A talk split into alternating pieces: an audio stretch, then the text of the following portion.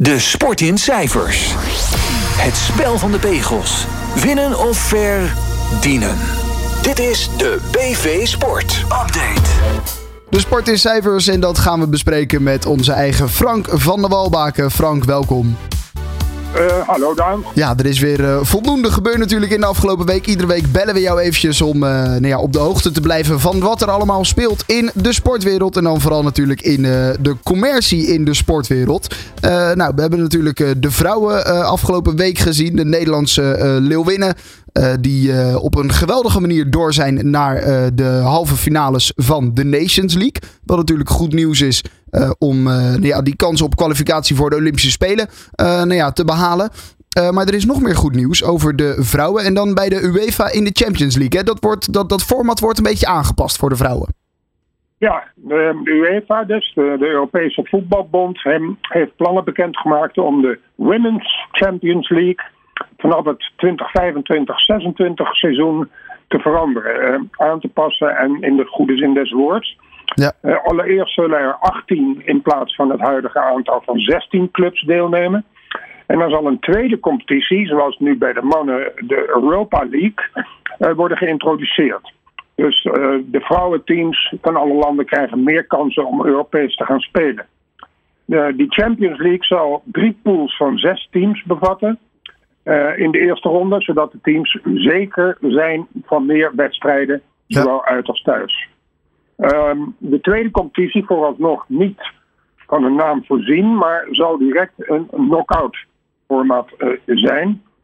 Uh, goed nieuws dus voor het vrouwenvoetbal. En ik verbaas mij overigens dat er in het internationale vrouwenvoetbal uh, nog niet permanent ook een VAR aanwezig is. Zoals we in de thriller tegen België deze week moesten constateren. En ook in de wedstrijd daarvoor tegen Engeland. En is dat nu niet juist een, soort van een bevestiging dat het vrouwenvoetbal daar nog niet belangrijk genoeg voor is. Ik vind dat echt, als je nou constant te, pas en te onpas wat de UEFA doet, roept dat het vrouwenvoetbal moet alle, elke steun krijgen die ze maar kunnen krijgen. En dat je dan bij de internationale topwedstrijden geen VAR aanwezig hebt, vind ik een, ja, nogmaals een soort bekenning van ja, uh, daar zijn ze nog niet aan toe. En dat, dat is nou juist, juist hetgene wat we niet willen. Ja. Dus die UEFA die is niet echt consequent in mijn ogen. Nee, oké. Nou ja, dit in ieder geval een uh, goede stap voor uh, de vrouwen. Uh, zodat ze ook weer nou ja, meer ervaring kunnen opdoen op Europees niveau. En meer teams. nou ja, hoe beter natuurlijk. Je zei het al, de UEFA niet echt consistent. dat zijn ze ook niet over gokreclames, hè? Nee, het is bijna lachwekkend.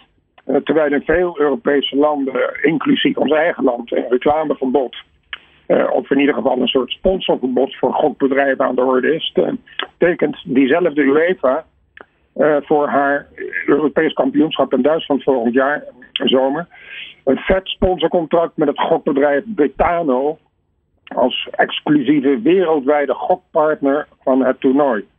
Nou, overigens tekenden al twee andere bedrijven ook als een soort exclusieve mondiale partner. En dat zijn Coca-Cola en Hisense. En wat is dat Chinese consument-elektronica bedrijf.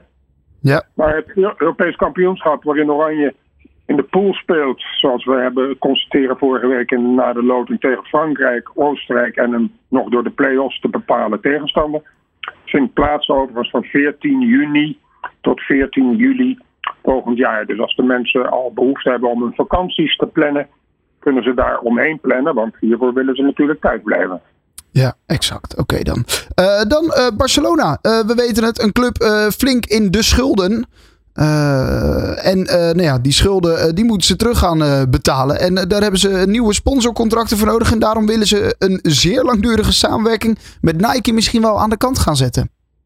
Ja, dat verbaast mij ten zeerste. Want ik heb altijd ervaren, en ik ken de mensen bij Nike ook enigszins, dat dat een heel gelukkig huwelijk is voor beide partijen.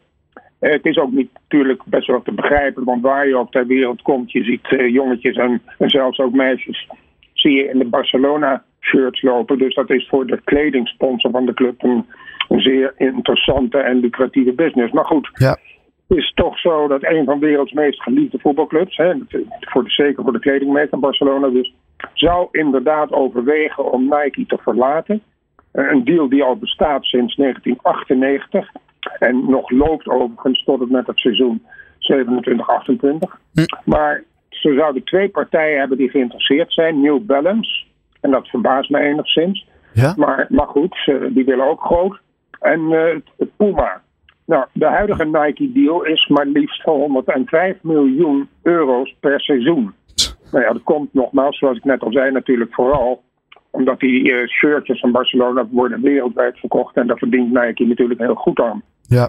Eh, maar ja, Barcelona is, zoals je al zei, Daan, is op zoek naar extra geld om de enorme schulden die ze hebben, nog steeds ruim een miljard euro eh, aan de banken, te kunnen aflossen. En kennelijk zijn er kledemerken, waaronder dus inderdaad New Balance en Puma, die meer dan die 105 miljoen zouden willen betalen. Eh, nu heb ik wel een klein vraagteken, misschien zelfs wel een groot vraagteken bij of dit wel helemaal eh, klopt. Want het zou zomaar kunnen zijn dat Barcelona de prijs met Nike wil opdrijven Ja. en daardoor schermt met interesse van New Balance en Puma. Van Puma kan ik het nog voorstellen, maar ik kan me nauwelijks voorstellen dat New Balance dat kan, CQ wil betalen voor één club. Maar goed, dat is een, een beetje mijn privé-interpretatie. Ze bevinden zich toch ook nog niet in de, in de voetbalsport New Balance, toch? Of wel? Ehm, ja, ze zitten wel in de voetbalsport. Ik geloof dat ze één of twee sport, eh, clubs in de Engelse Premier League eh, sponsoren. Maar eh, niet van het formaat van Barcelona. Hè. Dit soort bedragen, 100, ruim 100 miljoen per jaar. Dat, dat zijn toch bedragen die behoorlijk drukken op je balans. Dat kan je wel stellen, ja. Overigens, de Nike-deal met, met Barça, die zou naar verluidt de op één na grootste deal in geld zijn voor een voetbalclub ter wereld. Op één staat, ja, je kunt het wel raden, Daan, de grote concurrent Real Madrid. Die jaarlijks van Adidas, ja, dat andere grote merk natuurlijk, Ja. 115 miljoen vangt. Eh, ook daar geldt natuurlijk dat de Real Madrid shirts zie je ook bijna over de hele wereld. En eh, ja, dat eh, levert waanzinnig veel geld op voor die kledingmerken. Zeker. Eh, goed, ja, wie weet dus ooit eh, Barcelona eh, in een andere nou ja, shirt sponsor dan Nike. Goed, in ieder geval tot en met het seizoen van 27-28 eh, lopen ze nog met Nike op de borst. als sponsor Ja. daarvan. Ehm, Dan hockey, de Final Eight. Ehm, die gaat gespeeld worden bij twee, twee clubs hè, in, in Nederland. En dat is voor het eerst. Ja, het is een. eh, kijk, dat het in Nederland plaatsvindt is, is, is redelijk voor de hand liggend. Enerzijds omdat het een Nederlandse hoofdsponsor heeft, ABN AMRO.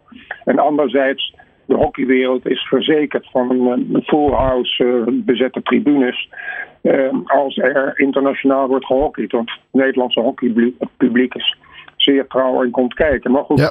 die ABN, ABN, ABN AMRO Final 8, zo heet het toernooi. En dat zijn dus de finales van de Euro Hockey League voor clubs. Eh, zullen voor 18 eh, van 28 maart tot 1 april 2024. eh, dus zoals je al zei, voor het eerst op twee clubs plaatsvinden. Dat klinkt logistiek misschien wat ingewikkeld, maar het wordt redelijk makkelijk gemaakt door twee clubs die pal naast elkaar liggen in het Amsterdamse bos. Dat is de Hockeyclub Amsterdam, met onder andere natuurlijk het Wagenerstadion, waar alle internationale wedstrijden van het Nederlands team ook worden gespeeld. En de laatste tijd zo verrassend goed spelende club Pinoquet. Eh, Die liggen gewoon tegen elkaar aan in het Amsterdamse bos. Dus het is relatief makkelijk om daar zo'n toernooi te organiseren.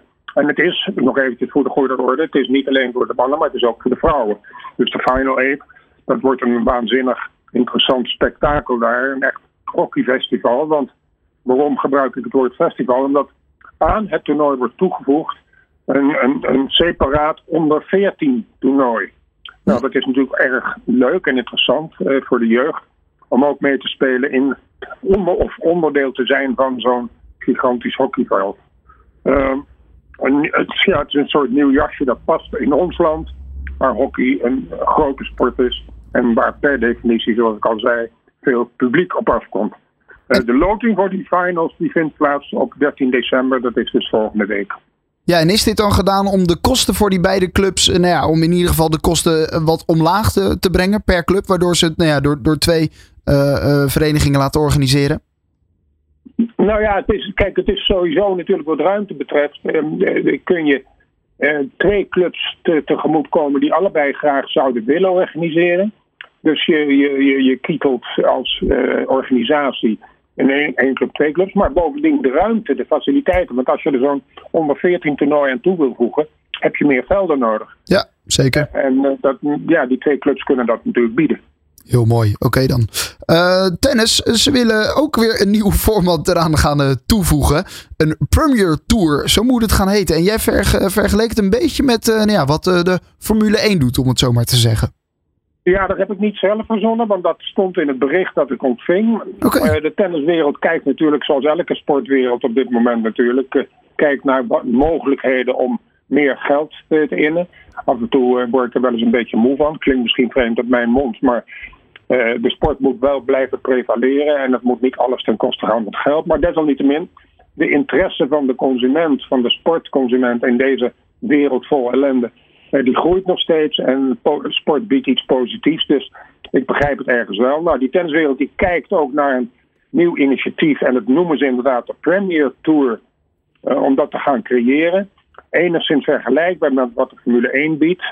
dus door alle werelddelen uh, toevoegen aan de vier Grand Slams. Hè. We hebben nu natuurlijk Melbourne, Parijs, Londen, New York. Ja. Als mixed toernooien, maar deze toernooien zouden allemaal mixed zijn. Uh, en, de top 10 toernooien zouden in, in een ver, organisatie van een vergevorderd stadium zijn. Ehm, is, dan zou je natuurlijk ook veel meer lawaai kunnen gaan maken rond de hele tour. Niet alleen maar de Grand Slams. En dus meer, meer media-aandacht en dan dus weer meer sponsors. Met als uiteindelijk doel natuurlijk een grotere prijzenpot voor de spelers en speelsters. Uh, geruchten willen, en dat maakt het echt extra geloofwaardig voor mij ook, dit, dit gerucht. Dat Saudi-Arabië een niet onbelangrijke rol zal spelen achter de schermen. Hm. En dat nogmaals, dat zou mij niets verbazen. Nee. In januari zouden de plannen al worden onthuld. Dus dat geeft aan dat de plannen al in een vergevorderd stadium zijn. En dat zou gebeuren voorafgaand aan de Australian Open, dat de Grand Slam toernooi op Melbourne Park. Um, ook niet, uh, ook wat geloofwaardiger maakt, is het feit dat Novak Djokovic, hè, de huidige nummer 1 van de wereld, zou naar verluid een van de belangrijke supporters en initiatiefnemers zijn van deze ingrijpende verandering. Ik, uh, uiteindelijk juich ik het toe, uh, voor wat dat waard is als, als ik het toejuich. Maar uh, overigens, en dat vind ik ook weer, wel weer pikant, en het heeft weinig met sport te maken, maar het geeft toch aan waar Saudi-Arabië mee bezig is. Niet alleen zichzelf in te kopen via sport, om zichzelf op de wereld te zetten als een volwaardige, geciviliseerde, westerse natie. Nou, daardoor is nog een hoop te doen, maar het land heeft ook, is aangewezen uh, met de hoofdstad Riyadh als organisatie van de Wereldexpo um, van 2030. Nou, en dan vier jaar later, in 2034, volgt het wereldkampioenschap voetbal daar. Dus het land wordt de komende, zeg maar, tien jaar wordt een, een, een centrum van activiteiten met heel veel sport. Dus ja, um, ja, ja. Ik, uh, er zijn mensen die dat zeer veroordelen. Ik ook wel enigszins, gezien het land dat uh, nog behoorlijk indruist tegen de mensenrechten en allerlei andere relevante zaken. Maar aan de andere kant, als het de sport promoot met betere ja, formats voor sport en, uh, en het zet de kinderen en de, de vrouwen in Saudi-Arabië ook aan het sporten, dan juich ik het toch toe. Ja, ja, ja. Het zou in mijn ogen, als je het over de tennissport hebt, wel betekenen dat er andere toernooien zouden moeten verdwijnen. Zo'n hele ATP-tour. Uh, dat, uh, dat, dat, daar, daar worden nu natuurlijk veel wedstrijden uh, en toernooien georganiseerd. Ja, misschien dat dat dan gaat verdwijnen. Dat is allemaal voor later. Uh, in Friesland zijn ze in diepe, diepe rouw, kan ik me zo voorstellen. Er was een kleine hoop. Ja, en ik had er ook nog nooit van gehoord hoor. Het is die jij het nu zegt, Frank. Maar er was een kleine hoop dat Tialf de Olympische Spelen voor het schaatsen uh, zouden mogen organiseren. In ieder geval dat onderdeel natuurlijk van de Olympische Winterspelen. Uh, dat omdat er Zweden zich aan had geboden om de Olympische Spelen te organiseren. Maar daar gaat allemaal een dikke zwarte streep doorheen. Ja, een kleine correctie dan. De, niet Zweden, maar Zwitserland. Oh, excuus. Uh, ja. Nee, geeft niet. Uh, Zwitserland had zich gekandideerd voor de Spelen van 2030, de winterspelen uiteraard, uh, of 2034. En als dat zou zijn toegewezen, dan had Zwitserland al aangegeven: wij hebben in het kader van soberheid willen wij niet weer een heel duur nieuwe, nieuw lange baan stadion bouwen.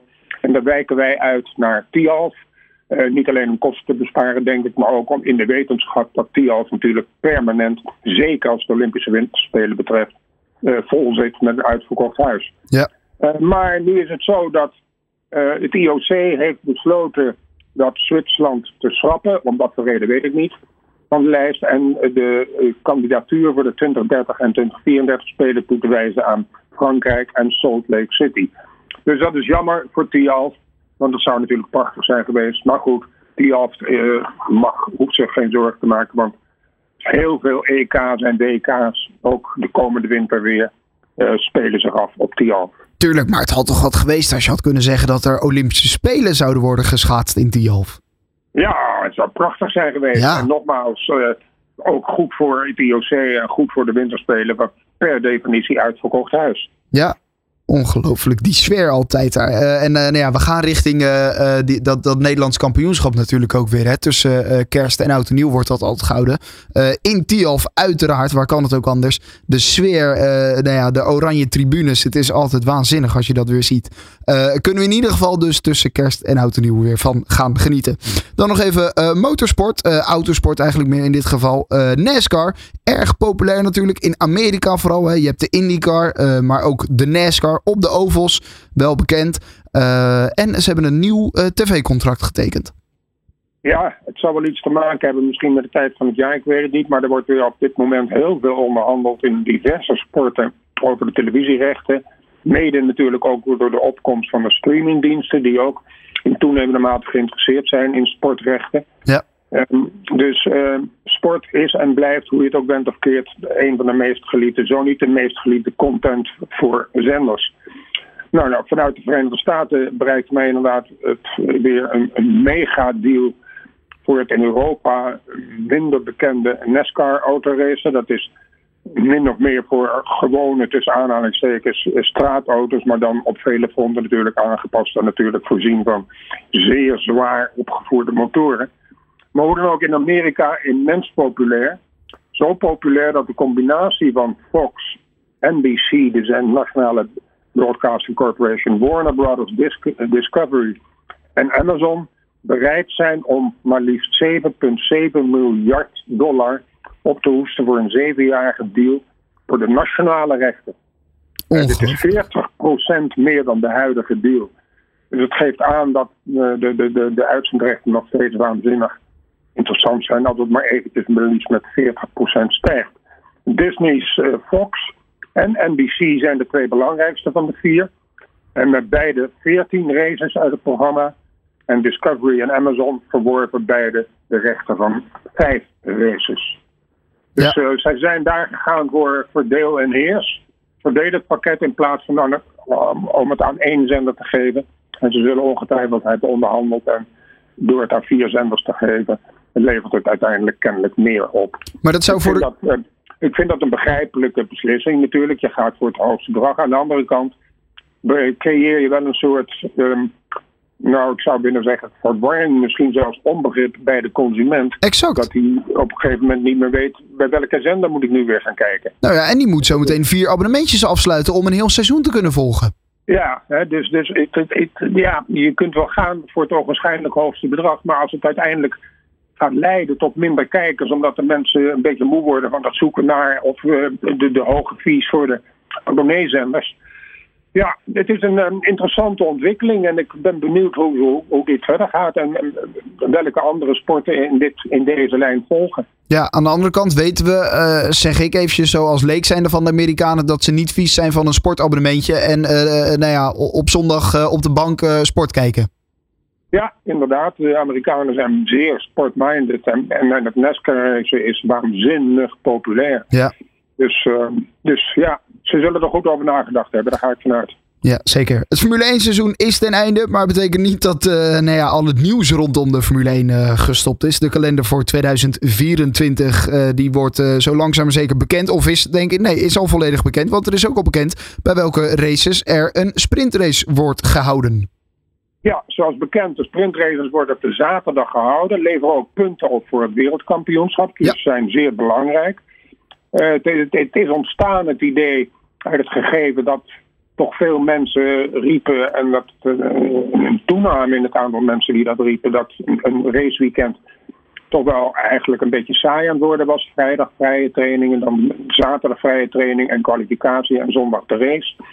Dus Liberty Media, de, de eigenaar van het circus, uh, heeft al twee jaar geleden besloten van nou laten we dan op zaterdag een sprintrace organiseren. Dat is dus voor ongeveer een kwart van de afstand van de race op zondag.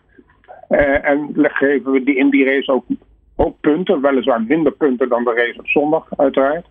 Maar dan heb je dus in een raceweekend heb je niet alleen uh, de vrije training en kwalificatie, maar ook nog eens twee races. En dat leidt dan naar de, de wens van de eigenaar. En dat, is natuurlijk ook zo. Meer kijkers op en meer kijkers leveren weer meer televisierenrechten op, weer meer sponsors op, et cetera. Maar goed, zij hebben in ieder geval weer um, het programma voor volgend jaar bepaald en de, de sprintraces um, voor dat wereldkampioenschap. Uh, vinden volgend jaar plaats in zes van de 24 races. Is hetzelfde aantal van het afgelopen seizoen. En de volgende races zullen sprintraces hebben. Dat is in China, in Miami, in Oostenrijk, in Brazilië, in Austin, de Verenigde Staten, en in Qatar. Uh, populair bij publiek en televisiekijkers, maar nog steeds minder populair overigens bij de rijders. Ja, en, zeker. En, en, bij de remstallen. En, en, en, ja, die, die vinden het eigenlijk een beetje een nou, om het letterlijke woord maar weer te gebruiken, een beetje te veel circus worden. Uh, maar ja, uh, de eigenaar bepaalt en, en omdat hij ook betaalt aan de stallen en dat zijn niet geringe bedragen. Dus nee. ik ben benieuwd of dit um, gehandhaafd wordt in de toekomst, want de stem van de, de rijders en de stem van de teams, die dringt toch hoe langer hoe meer door. En onder, onder aanvoer overigens van onze Max, want die is ook absoluut geen voorstander van. Ja, maar toch de stem van het publiek, die wordt steeds luider. Het wordt steeds interessanter, al die sprintraces. We hebben ineens gezien dat uh, Oscar Piastri, een rookie, een sprintrace kan winnen. Nou ja, wat, wat vervelend was misschien achteraf, was dat in Austin uh, ineens vanwege zo'n sprintweekend de bodemplaat van uh, de, de, de Mercedes van Hamilton en ook van Ferrari te ver nou ja, afgeschaafd was, waardoor die werden gedisqualificeerd. Dat was misschien dan weer wat verwarrend voor alle kijkers. Maar toch het idee van zo'n sprintweekend, volgens mij bij de fans leeft het wel. Ja, dat denk ik ook. Natuurlijk. En dat levert de, de, de organisatoren van de races natuurlijk op zaterdag meer, aanzienlijk meer publiek op. Dus meer inkomsten. Uh, dan dat ze alleen maar komen kijken voor de kwalificatie. Ja, zeker. Dus, weet, weet, je trouwens ook of, uh, of een, weet je trouwens ook of een uh, circuit meer moet betalen om een sprintrace te mogen organiseren? Ja, dat is een goede vraag. Ik weet het niet, maar het zou me niks verbazen.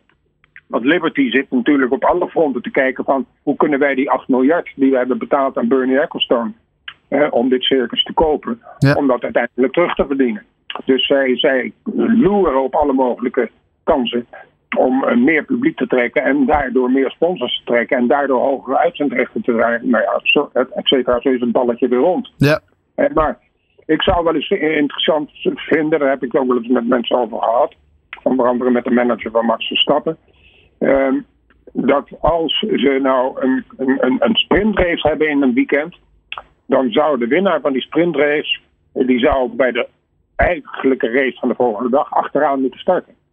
Uh, dus de rollen omdraaien, de sprintrace uitslag draaien om uh, op de starting grid van de hoofdrace. Nou, ik ben ervan overtuigd dat het allerlei klachten zal opleveren en gevaar, uh, ongelukken, maar het zou wel spektakel opleveren, want dan start Max opeens achteraan. En dan moet hij het hele veld inhalen. Dan heb je toch wat meer spanning dan op dit moment waarin je Max bij de start ziet vertrekken en je ziet hem nooit meer terug. Ja, maar ik weet één ding zeker, dan vindt hij het helemaal niet meer leuk. nee, dat weet ik ook wel zeker. Ja, goed. Uh, uh, er werd uh, vooral vorig seizoen veel over gesproken, maar goed, ook voor 2024 dus geen sprintrace in Zandvoort.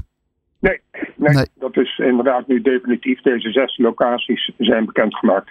Geen sprintrace dus in Zandvoort. Goed, um, Frank, dankjewel. Volgende week woensdag op 13 december. Dan ben je hier in de studio te gast. Live voor een uh, BV Sport. Uh, wie hebben je dan te gast?